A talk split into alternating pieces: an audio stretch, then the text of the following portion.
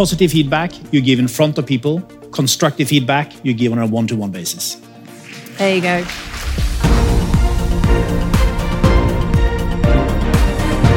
Dette er All In med Oslo Business Forum. I denne spesialepisoden skal vi skru tiden tilbake til den 29. september 2021.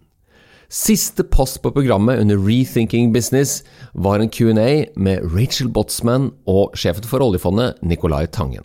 I en tidligere episode, nummer 39, så hadde Rachel og jeg snakket litt om tillit og hva hun skulle snakke om under Oslo Business Forum. Mens i denne samtalen med Nicolai Tangen får vi litt mer innsikt i Tangens syn på tillit, lederskap, men også hva du kan bruke Tangen til på kjøkkenet. Så nyt episoden, vær trygg i trafikken hvis du rusler rundt eller kjører. Tillit på agendaen. I've already said hello to them. Would you like to say hello? Hi, how are you doing? So um, I'm back. And I am so excited to having this conversation with you. We have met before, haven't we? We have. I'm, a, I'm a big fan of yours. Oh, well, thank you. Um, and I thought we would start. I've given a lot of thought to this conversation. Um, I thought we would start with what happened when you took the role.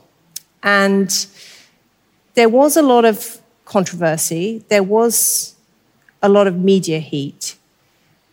Did you feel trusted to become the CEO?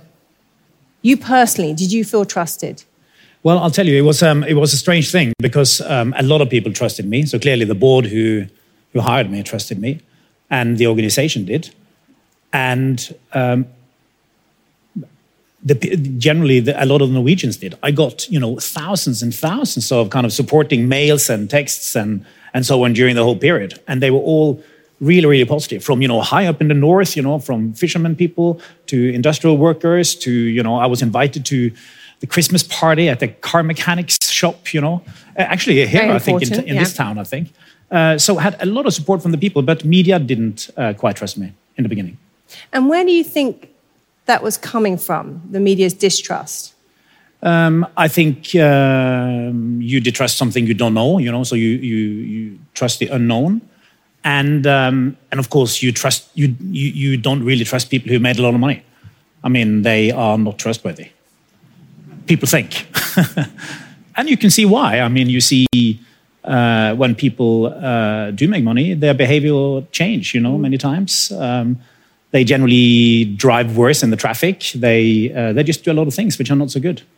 I, I'm a terrible driver and I didn't make a lot of money, so I, I don't know how that explains my behavior. But anyway. I think, I think the reason why they didn't want to trust you with a car is because you drive on the wrong side of the street. That is true. That is true. But you know, reading the media that happened at the time, what struck me about it was that in many ways people were questioning your integrity, your intentions for taking the role. And I mean this as a compliment, the way that you've navigated that and really communicated why you wanted this role. You gave up a lot to take this role. Why did you want it so much? Yeah, well, I, I don't feel that I gave up anything because I, I think I've got the coolest job in the world, you know, working with some fantastic people. So I, I, I don't really feel I, I, I gave anything away. Uh, it's just been really, really interesting, huge learning experience. Uh, and I'm so happy, uh, so happy I did it. Now, why did I want to do it? Well, one, I you know I spent my whole life doing uh, asset management and and managing money, and um, uh, you know I think that's really really interesting. At the same time, I had been studying uh, organizational um, psychology and development, and this job was you know just in the middle of managing money and developing an organization for the best of you know the Norwegian people and everybody who is here in the room. So to me, it was just like the dream job. So let's switch gears a bit and talk about. I know that you are a passionate learner, a lifelong learner, um, and that you've done two masters, one in social psychology and history of art, and that you share a passion of mine, which is learning from mistakes. And yeah. I used to hate being wrong until I realized that every time I was wrong, I'd learned something. But I was thinking about this, you know, when I'm wrong, I'm wrong about an idea or a theory. When you're wrong, now you have billions of dollars of money at stake. Yeah. So I'm interested how you've personally got confident with humility and admitting your mistakes. Yeah. Well, you know, when you when you do asset management, uh, it is a very humiliating job because you are wrong nearly fifty percent of the time. Now, 50%? nearly 50. So what, you know, if you, what we try to do, we try to beat the market. Now, if you are as good as the market, you are right 50% of the time. If you are right 51% of the time, you are very good. And if you are 52% of the time, you are a hero. So you just have to get used to getting wrong, you know, 48% of the situations. And you have to learn from them. So I just think there is something really humiliating with, with operating in capital markets. Because if you don't, uh, you just become arrogant and there is a lot of hubris and you will fail as an investor. So, how, failing 48% of the time, yeah. With that, not just money, but people's lives, that responsibility at uh, take, that takes more than a thick skin, right? How do you create a safe environment within your organization where it is okay to fail 48% of the time? Yeah, well, that's a very good question. So that's what we try to do. Now, what's the best environment where they try to learn from mistakes? Well, that, that's from sports. And so we've been working with, uh, I mean, I have for 10 years uh, worked with a sports psychologist who teaches me how to, you know, how to get back on your horse. You, you lost money in July, you have to take the same type of risks in August. And that's what we do. And you do it by focusing in on the process rather than the end results so that, that's very, very important. And um, you know, we are working with the people in the oil fund now, so they should get the same kind of skill set. So I heard that you are creating some kind of mistakes machine. Is that how would you describe it? A mistakes machine that models everyone's mistakes and helps them see how they act under pressure. Yeah. So the so the really important thing is just how you how you learn from your mistakes and how you put it into a system. So we have we are in the process of creating this uh, investment simulator, which takes everything you do and kind of feed it back to you. Now we have hundreds of millions of data points uh, in the cloud because every trade you ever done, uh, you know, we have the data. So let's say now, Rachel, you wanna you wanna buy um, Apple. Mm-hmm. Well, you try to buy Apple, and you will get it fed back to you that you know, Rachel, Apple is a really well loved stock, and in the past you have not done well in these type of situations. You never made money in America you are really stressed because you've lost money in the last 12 months and historically when you're stressed you do really badly you know your ticket size is too small etc etc etc and he feeds it back to you because we don't think it's that comfortable we don't particularly like to be shown our own mistakes and we try to forget them mm. but to get them there in front of you when you try to make a trade i think is going to be incredible so how do you overcome the problem i've met a few people in finances in my life and and they can be really arrogant to be Absolutely. honest. And Absolutely. they often say, you know, they make decisions from their gut, they trust their gut. So, in those situations where the machine is saying no, right, do not make the investment, here is the information why you shouldn't make that investment, but they think it is, they're, they're working from their gut. How do you teach them to trust the machine? Well, I mean, this, this we haven't even spoken about this in advance, but this is my favorite topic. And I even did my master's dissertation on this. It is when should you trust your gut feel or pattern recognition, or when should you go with analysis? And as part of my degree, I interviewed the 20 best fund managers in Europe. Um, and they were nice enough to talk to me. I mean, they probably wouldn't have spoken to a normal psychologist, but you know, I kind of knew them and a psychologist wouldn't necessarily have understood what they talked about because it was all these kind of financial jingo. So I interviewed them all, and I was looking at, you know, what are the patterns? Who are the good ones? And the good ones are the ones who go from from uh, analysis to uh, pattern recognition from time to time. Now, if you call it gut feel, they think it's a negative thing, but you call it pattern recognition, mm. it's great. now, if you let's say now you are 18 years old and you come to work for me and you say, Nicolai, we should buy this stock because I think it's great and I think it's going up. Now, I'm not going to listen to you because you have no experience and you have no credibility with me. If you later on are the CEO of a company, you can do what you want. You have a lot of experience. You, you have seen that it works, that, that it actually works, and, uh, uh, and you can act on it. So the, the way you use pattern recognition has to do with how complex the situation is. The more mm -hmm. complex, the better it is. The less time you have, the better it is. The more senior you are, the better it is. And the more experience you have, the better it is. So it's a phenomenal topic. Hmm. When do you trust your gut? Um, I, I, trust it um, in many more situations uh, than I did before I wrote my uh, dissertation, because I have seen that it actually there is something there. You know, there's this kind of blink uh, you know, work, uh, you know, by Dan Pink, and you know, it, it, you know, an art historian can see a piece of art, and you don't necessarily know what it is that that makes you confident that it's the real thing. Um, but I have I have pretty good gut feel when it comes to people, for instance. And when do you tell your intuition to be quiet? Um, I uh, don't do that so often. You don't do that so often. What's your intuition saying right now? uh, it's telling me that this is a, a you know a good uh, seminar. Uh, okay, all right, we'll come back to that one. Um, switching gears a bit. Um, I know another passion of yours is uncertainty and sort of the power of uncertainty and what can happen if you really sit with uncertainty.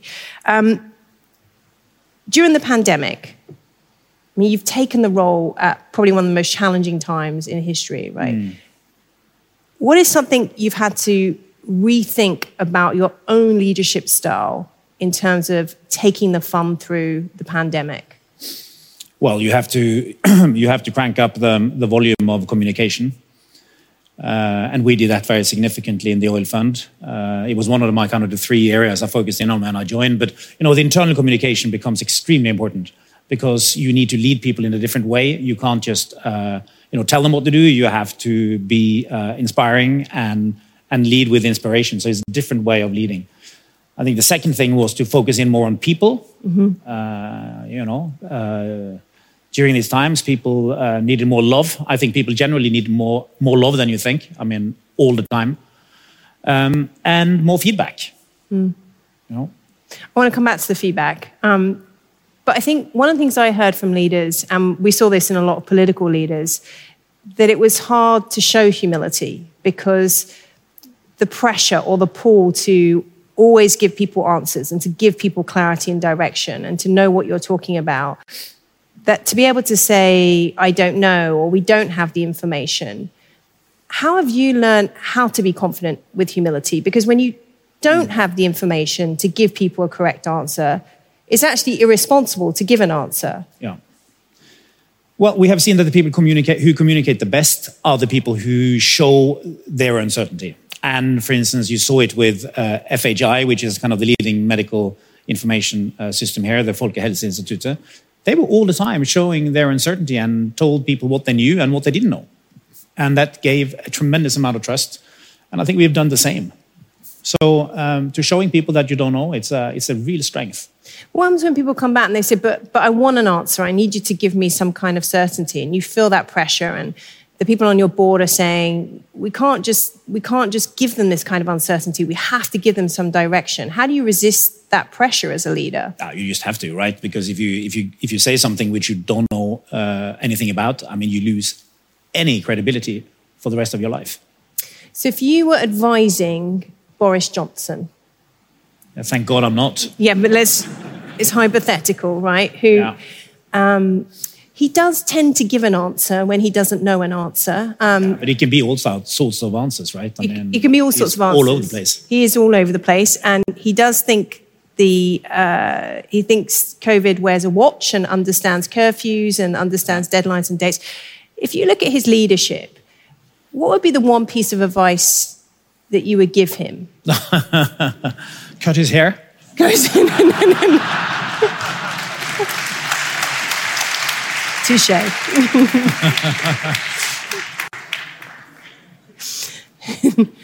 Nothing else? it's called a dodge, that.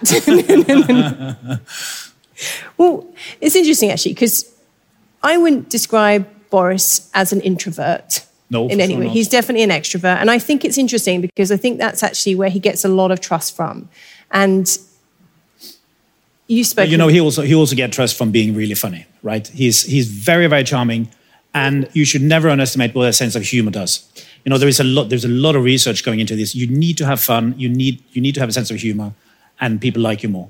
No, totally. But I think one of the things that happens with, I should say, Prime Minister Johnson, is that people conflate his confidence with competence. Yeah I mean, you, you seems like you've got a bit of a problem with him. I tell, do. Tell me. Well, I'm interviewing you, let's be clear, but I have, I'll be honest, I have a problem with him because I think he is a symbol of a type of leadership that we have to move away from.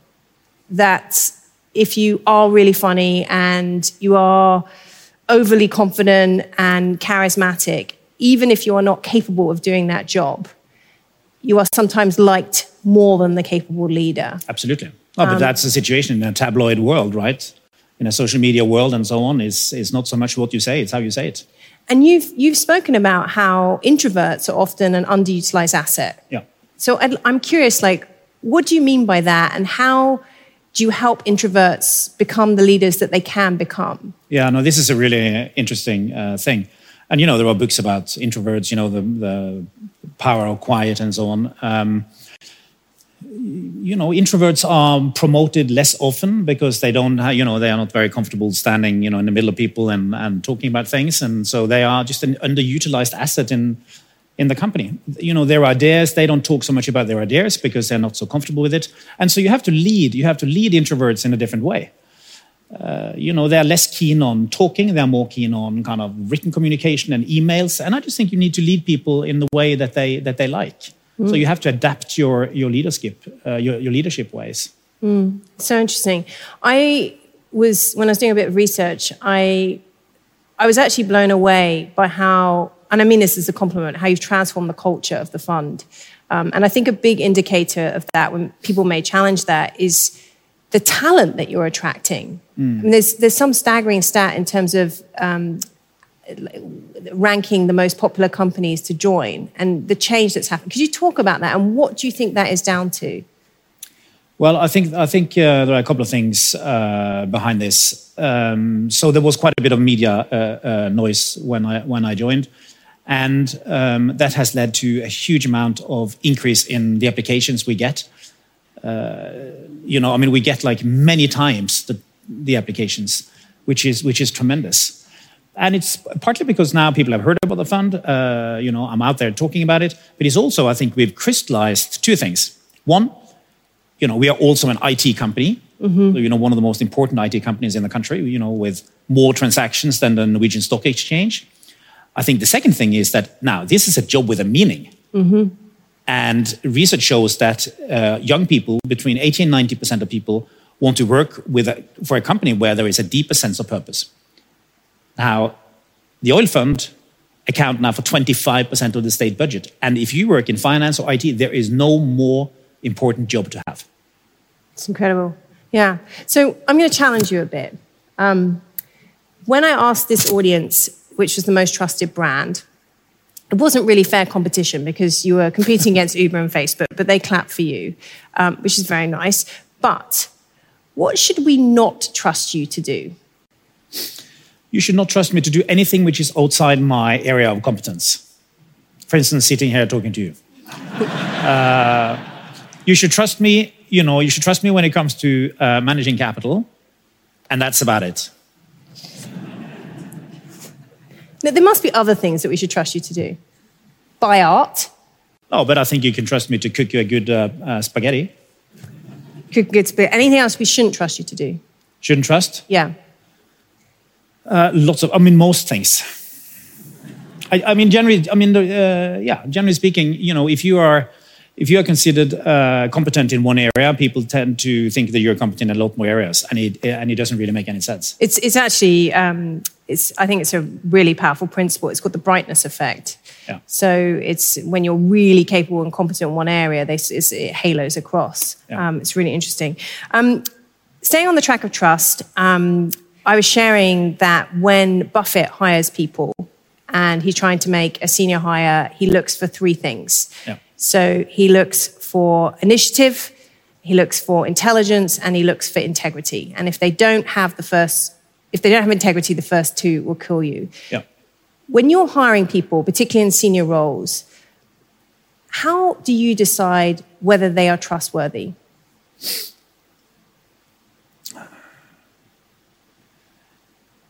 Well, there are many, many different type of questions you can ask them, and I'm not sure you can really find out in an interview. I think you find out over time, uh, which is why you want to talk to people who worked with them uh, and do proper uh, proper analysis that way. But clearly, brains and integrity are very, very important, and I would say humbleness uh, would be the uh, would be the other one. And I think a way to figure out how humble people are is to ask them, you know, what part of yourself are you actively trying to improve?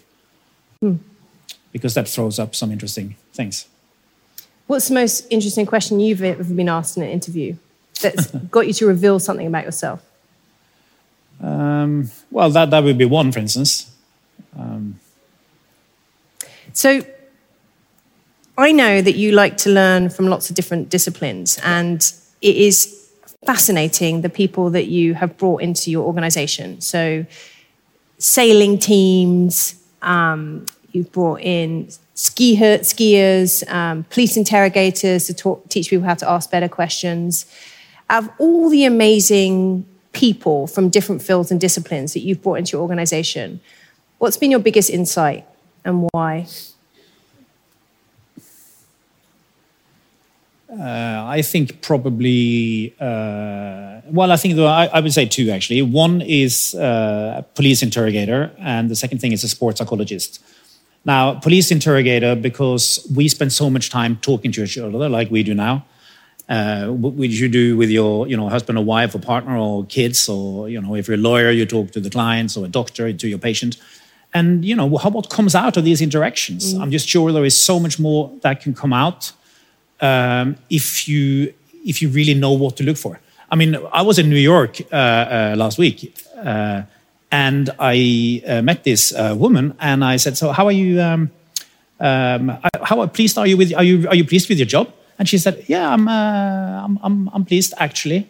Now, actually, that's called a qualifier, and it shoots down the first part of the sentence, i.e., she's not actually that happy. Um, and it just transforms the way you understand the question and the way you interact with people and the way you read um, you know their answers so i think it's just super interesting to to spend time on on questioning and interviewing. The second thing is a sports psychologist who just taught me so much in terms of how to be more resilient how to get through stress. I mean if it hadn't been for the, the skill sets i had learned from him i would have not come through this media uh, stress uh, last year. Uh, it really really helped me. Talk more about that because I can only imagine how when the heat is on you in that situation and you really want the job, yeah. like how did that help you navigate through that stress? Okay, so now you're going to think I'm a complete moron, right? Because this sounds really strange. But um, you know what you do is you you manipulate yourself to think that uh, adversity is something positive. You you switch around your brain hmm. and you pretend that it's that you really like it. So you wake up in the morning, you have like 500 journalists who just want to you know, destroy me, destroy me. Absolutely. And you go into the bathroom, you, you look yourself in the mirror and you said, you know, I just love it. I, you know, I love when they try to get me. I, I, I, perform at my peak. I'm just, wow, I love it. And, you know, that power, that force is then just, you turn it into something positive. And you can do that every day. You know, uh, something you don't like, you just try, you know, try it tomorrow. Something you really hate. Talk to yourself in the mirror and you see whether it works or not. So that's the one thing. Then you have other things like, you know, taking a helicopter view and thinking, you know what, in a year's time it'll be all right. And then the last thing, you know, I had then just finished my degree in social psychology. Do you think any student of social psychology has ever been under that kind of media pressure? No way. So I thought, wow, you know, I'm, I'm a student of social psychology. Imagine what experience this is. I'm like in the lab and I'm experiencing what, what this is. And so I just took so much learning away from it. You can feel the power and the force of media. Unbelievable. So I mean, sports psychologists taught you. Yeah, it's amazing.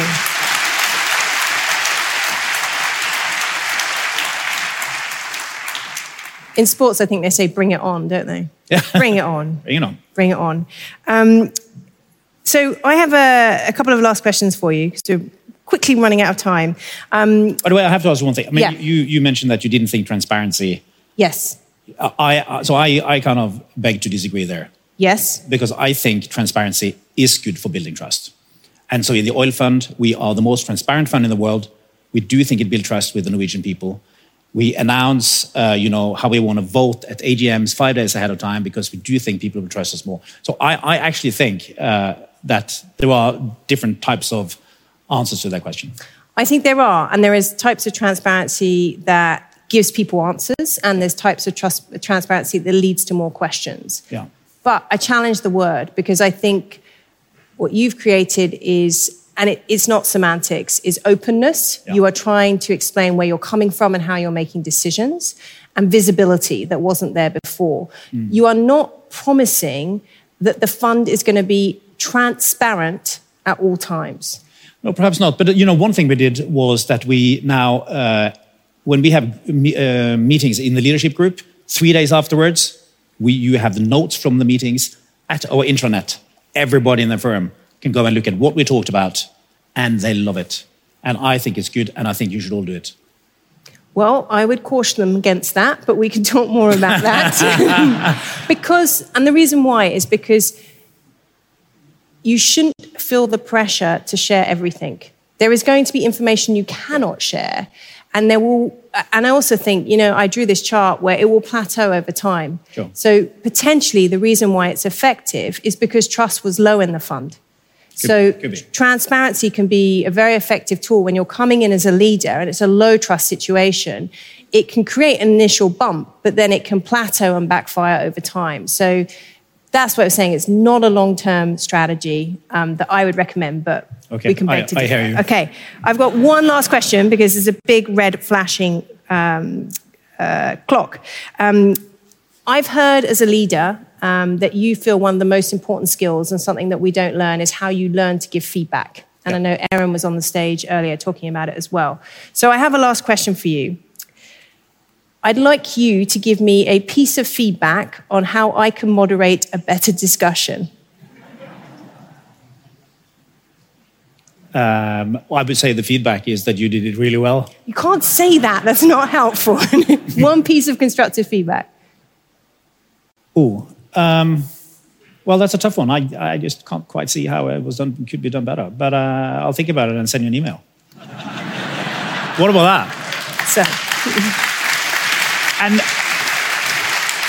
and guys, and um, and guys, do you know do you know why?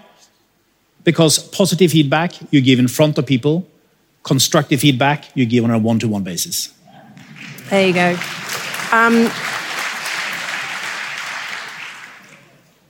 I'd like to thank you, Nicolai, for just being so honest and I think humble up here as well. Um, I think it is incredible the media intensity that you went through, and I think this advice of to love adversity and to bring it on is is it could be life changing for many people. So I want to thank Nicolai for his openness today, and also for his leadership of the fund. And I only wish you the best in an incredibly important role. So can we give Nicolai a big round of applause? Thank you. Hvis du likte denne podkasten, hadde vi satt utrolig stor pris på om du abonnerte og gir oss en tilbakemelding i avspilleren. Spre gjerne ordet videre til andre ledere som er lidenskapelig opptatt av ledelse, strategi og innovasjon. Mitt navn er Tor Haugnes. Sammen er vi all in med Oslo Business Forum.